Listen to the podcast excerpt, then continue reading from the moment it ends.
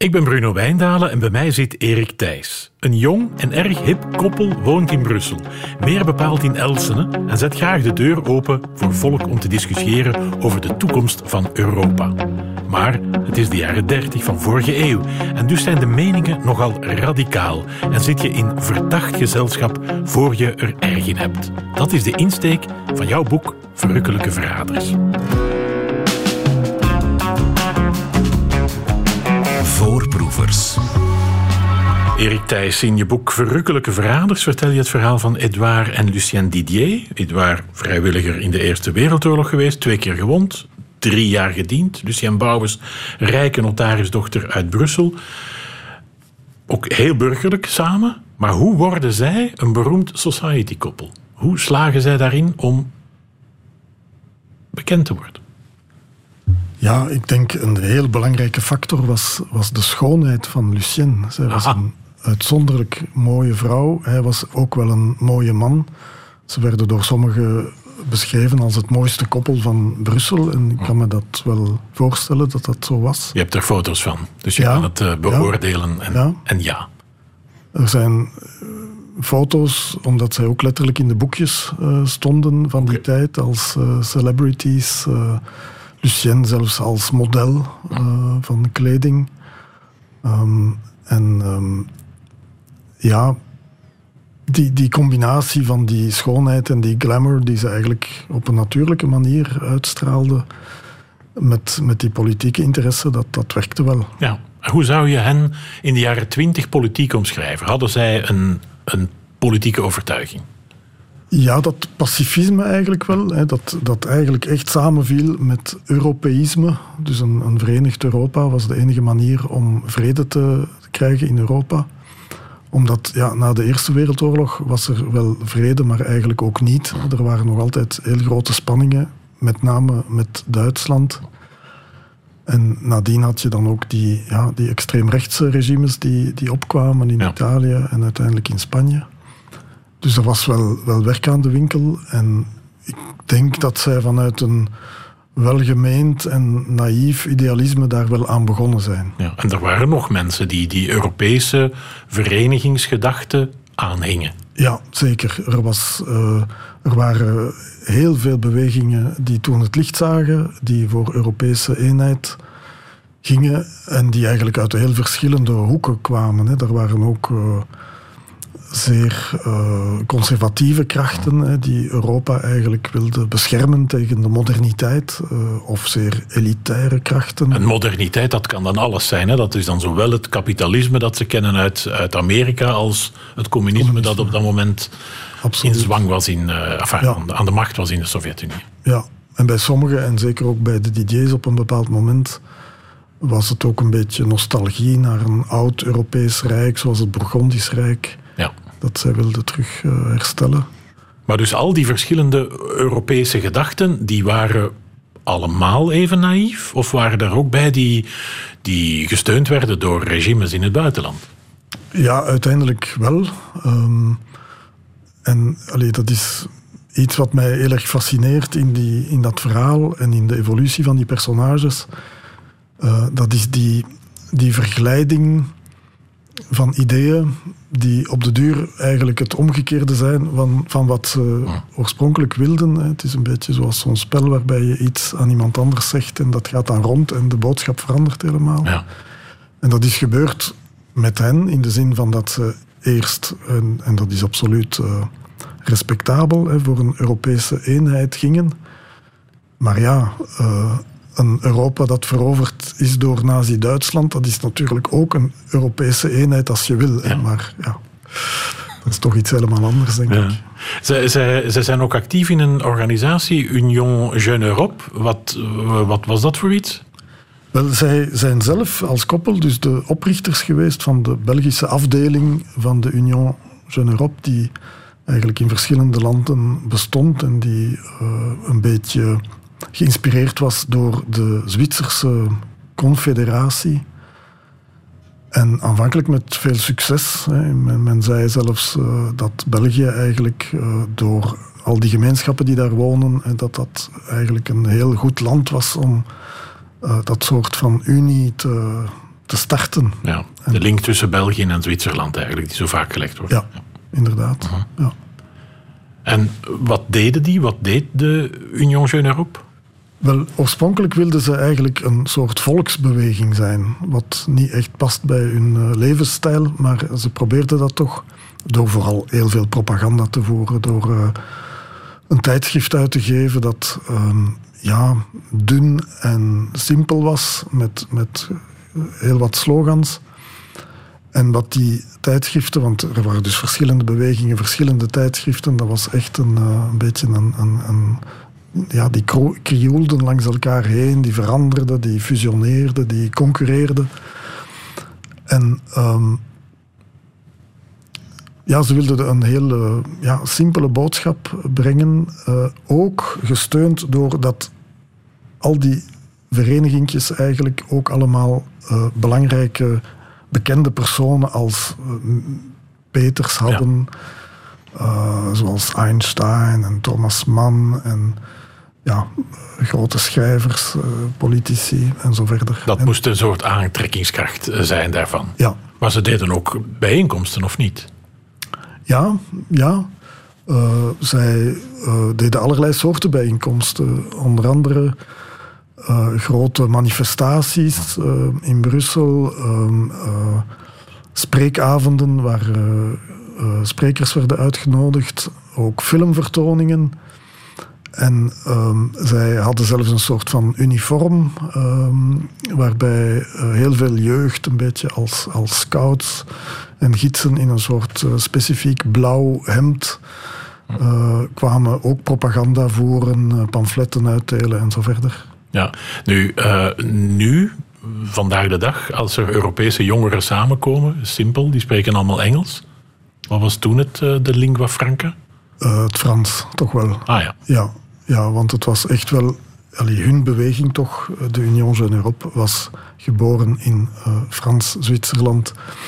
En dan Frans-België en Frankrijk ook heel erg. Uh. Als je natuurlijk vrede in Europa wil, heb je altijd Duitsers nodig. Toch ja. op tot dat moment, jaren 20, begin jaren 30, toch een beetje nog de paria van Europa. Hè? Je, je, voelde daar niet uh, de vredesgedachte uh, heersen. Ofwel was ja. je nog boos om de Eerste Wereldoorlog, ofwel was je al bang voor het, het gevaar dat eraan kwam. Ja.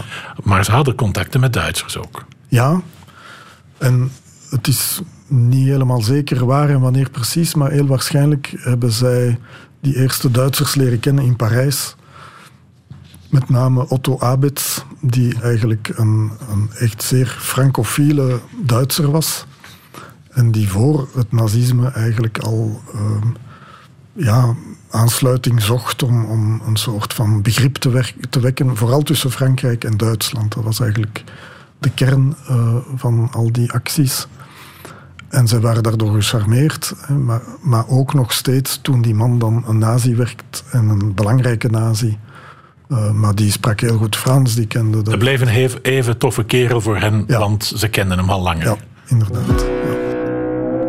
Erik Thijs, we zitten in het interbellum. Bij de Didier's komt veel volk over de vloer. Hendrik de Man heb ik al genoemd. Intrigerende figuur, socialist, socialistische voorman eigenlijk zelfs. Maar zoveel meer dan dat, hè? Wie is die, uh, wie is die Hendrik de Man volgens jou?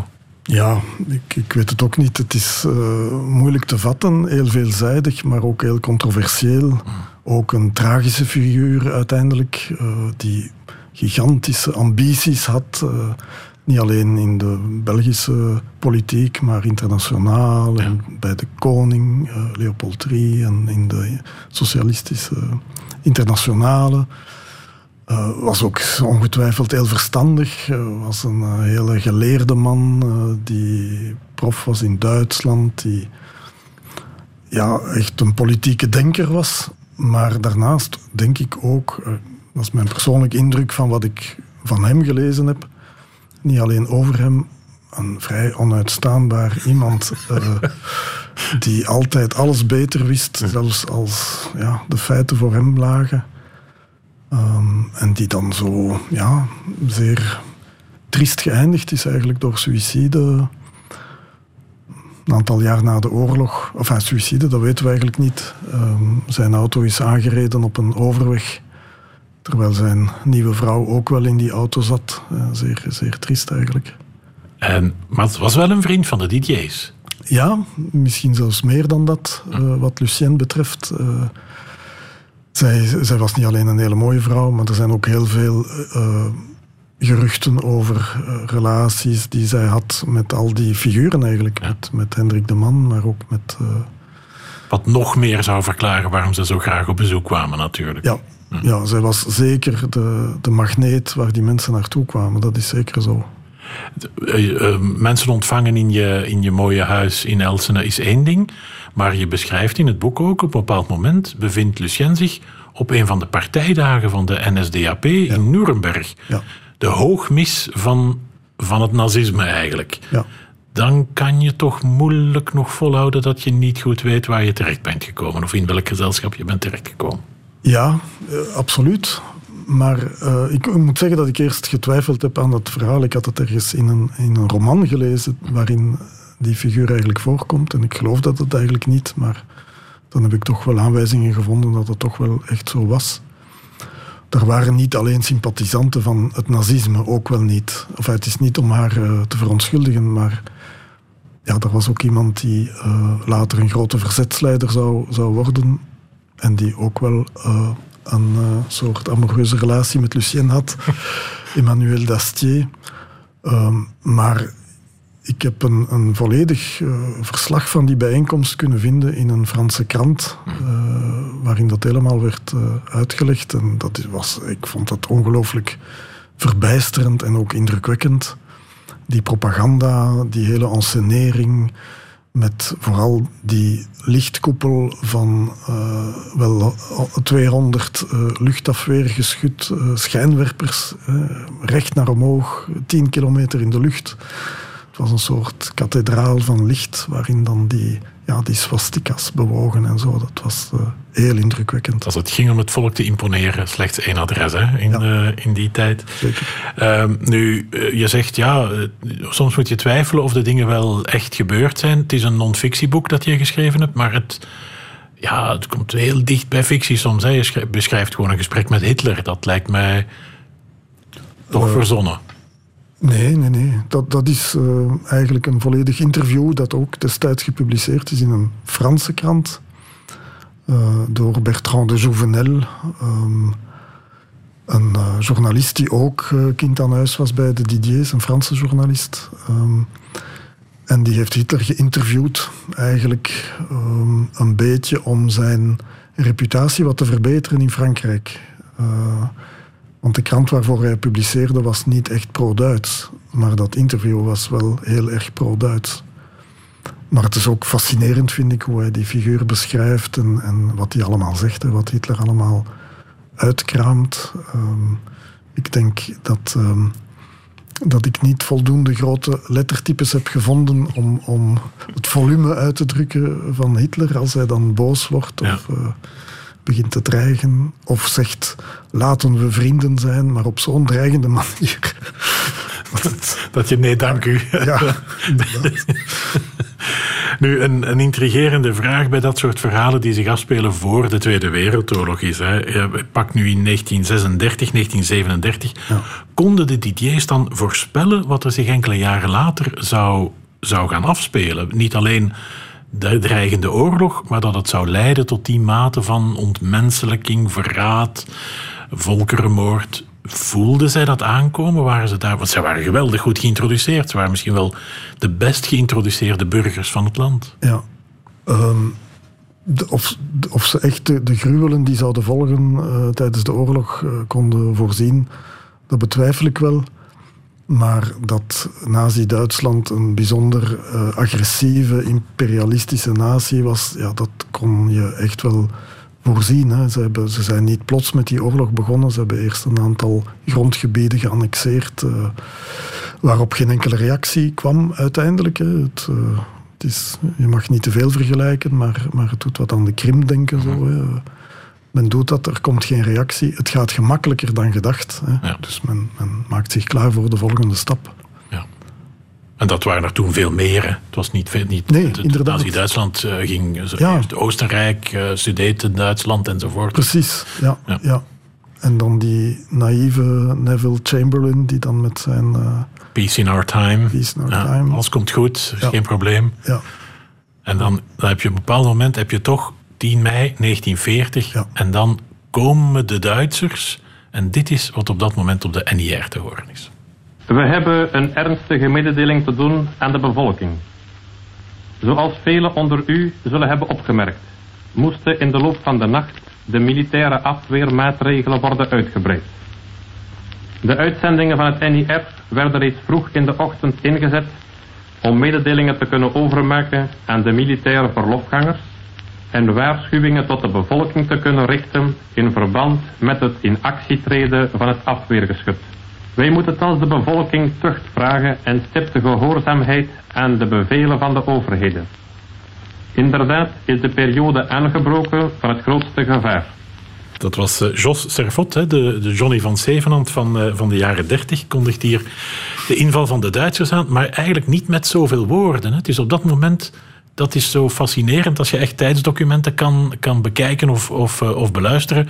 Wij weten wat er gaat gebeuren. Ja. Zij weten alleen, er zijn wat gevechten aan de grens, maar is het eigenlijk in Nederland, Luxemburg, of is het ook bij ons? Fascinerend. Zeker, het was heel chaotisch. Um, maar ja, wat er dan met de Didier's gebeurt, is ook niet. Uh... Wat gebeurt er met de Didier's op 10 mei? Wel, uh, ja, zeker niet wat er met de doorsnee Belgen gebeurd is. Zij werden onmiddellijk aangehouden. En dat was wel, wel heel bijzonder. Uh, zij behoorden tot die zogenaamde verdachten. Hm. De, waren... de, vijfde kolonne. Ja. Zij die zouden volgens de Belgische staat zich zouden kunnen keren tegen de staat meteen al. Ja, inderdaad. En dat was eigenlijk al in de pers ruim aan bod gekomen. Hè, dat de Didiers en hun salon en al die bezoekers, dat ze eigenlijk uh, de collaboratie voorbereiden. Dat was echt uh, al in Le Soir verschenen. En um, daarom werden ze dus aangehouden, maar niet alleen van die mogelijk collaborerende figuren, uh, zoals ook ja, Verdinazo's en VNV'ers, maar ook uh, communisten. Uh, het was een heel rare uh, mix van mensen die daar werden aangehouden. En het ergst van al, Joodse vluchtelingen uit Duitsland. Ja. Dus iedereen die een beetje Duits sprak of een Duitse naam had, die werd aangehouden. Maar dat waren mensen die op de vlucht waren voor de nazi's. Dus dat was helemaal onlogisch. En sommige van die mensen zijn uiteindelijk ook in concentratiekampen terechtgekomen omdat zij al gevangen waren door die Belgische actie. Ja. En uh, hoe, hoe komen zij daaruit? Want voor velen zaten ze voor een tijd vast, hè? Ja, ook zij hebben een, een poos vastgezeten in Frankrijk dan, want er was in feite in België niet genoeg plaats om al die verdachten uh, een plek te geven. Plus dat het Duitse leger oprukte en dat, er dus, uh, dat ze echt moesten wijken. Zij hebben in Frankrijk een maand ongeveer vastgezeten in tamelijk harde omstandigheden. Maar ze konden van geluk spreken dat het met hen niet zo was afgelopen als bijvoorbeeld met Joris van Severen, die ook een van die verdachten was. Ja. En die dus uh, omgekomen is toen. In, bij, het, uh, bij de slagpartij in Abbeville eigenlijk. Ja. Hè, door... Uh... Dronken Franse voilà. soldaten. De de Tweede Wereldoorlog is uitgebroken. De Didiertjes zijn als vijfde kolonne weggevoerd, maar raken, raken weer vrij. Hoe beleven zij dan de eerste maanden van die oorlog? België, Frankrijk, waar zijn ze? Wel, in beide landen. Ze, ze, komen, ze zijn eigenlijk gevangen genomen, ze hebben afgezien, maar ze komen langs de grote poort terug binnen. Ehm, want hun, eh, intussen, is, intussen is België bezet. Intussen is België ja. bezet. Intussen is Frankrijk ook uh, verslagen. Ja. En um, is de dikke vriend van de Didier's, Otto Abetz, de Duitse ambassadeur geworden in Parijs. En uh, dankzij hem ja, genieten ze alle vrijheid en luxe zelfs die ze maar willen. Dus zij worden meteen aanhangers van Nazi-Duitsland? van de bezetter? De facto absoluut wel, hè. maar ze gaan dat dan later anders uitleggen. Uh, ja. Um, plus natuurlijk dat ze dan hun uitgeverij ook oprichten kort nadien. Die ja, voor het allergrootste deel met nazi-geld gefinancierd wordt. Met de bedoeling om pro-Duitse literatuur op de Franse markt uh, te brengen. Uiteindelijk een nieuw opgerichte uitgeverij, klein uitgeverijtje, maar dat is toch de moeite voor Nazi-Duitsland om te zeggen: ja, dat gaan wij financieren, want dat gaat ons helpen. Ja, omdat, ja, zoals ik daarnet zei, dus die, die, die vriendschap of die relatie tussen Frankrijk en Duitsland, dat was echt heel uh, centraal in, in al die dingen. En um, in Frankrijk werd er te veel anti-Duitse literatuur geproduceerd, dus ze wilden eigenlijk die markt overspoelen met boeken uit België, ja.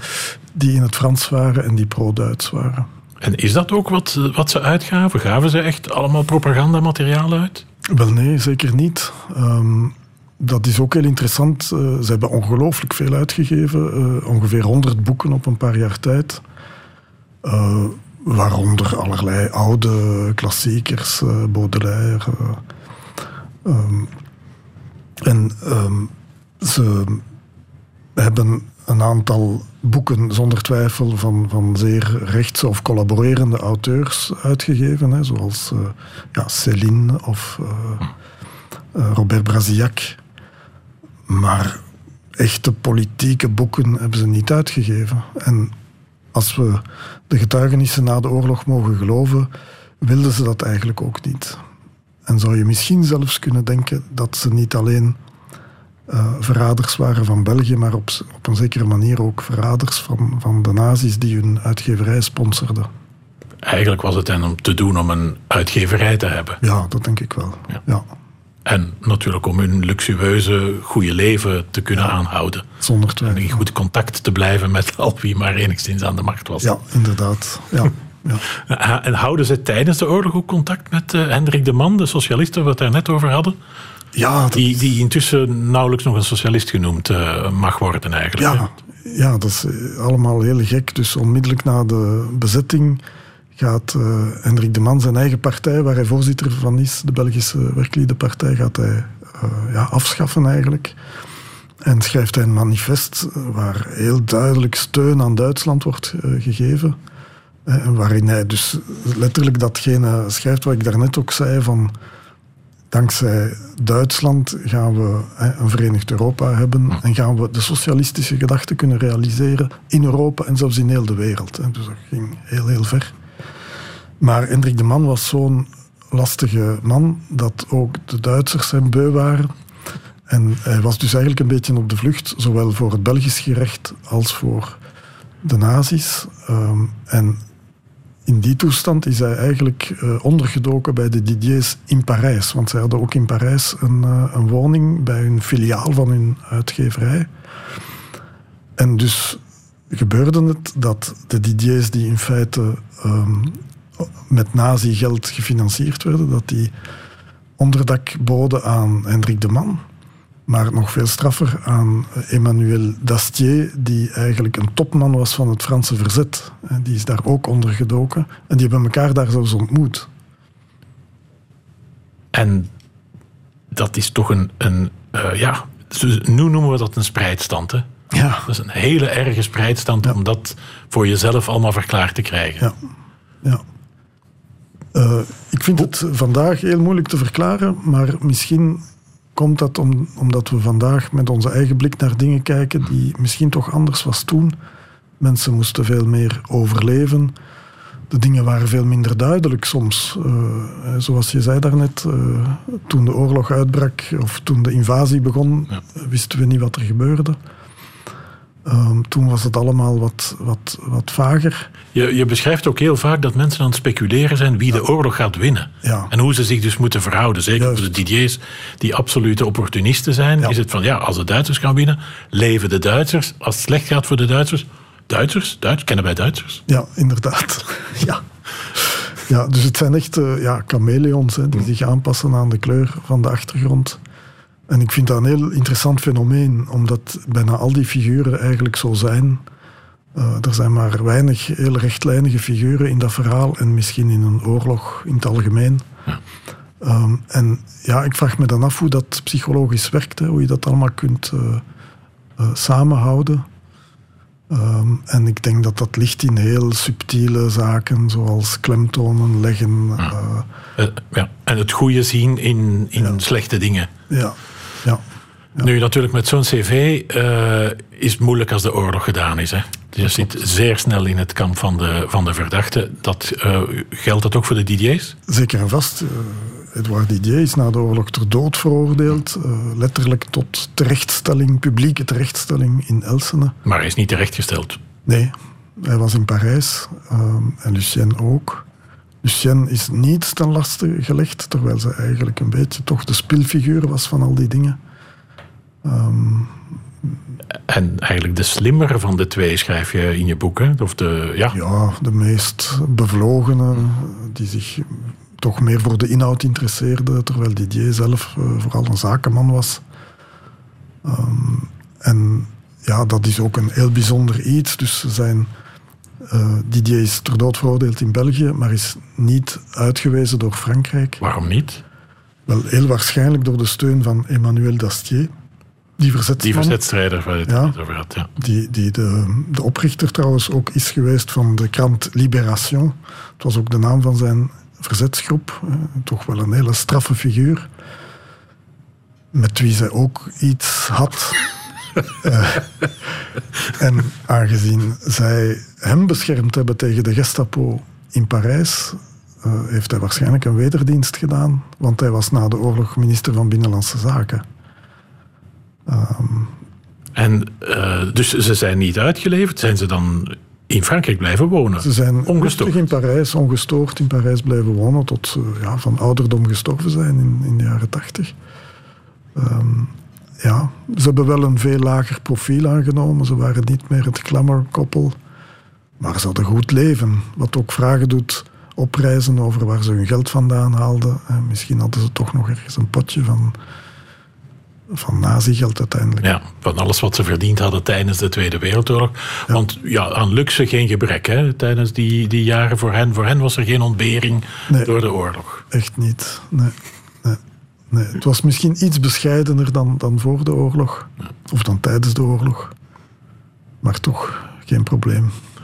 Het hele verhaal over de DJ's en de, de beroemde en uh, belangrijke en bizarre mensen dat ze kenden en waar ze mee optrokken, is uh, terug te vinden in jouw boek uh, Verrukkelijke Verraders. Dat verschijnt bij EPO. En ik zeg verschijnt, want het zal pas vanaf dit weekend in de boekhandel liggen. Het is niet de moeite om er nu al om te gaan, maar even geduld en dan heb je die Verrukkelijke Verraders te pakken. Dit was Voorproevers over het boek Verrukkelijke Verraders van Erik Thijs. Dank om te luisteren. Dag dag.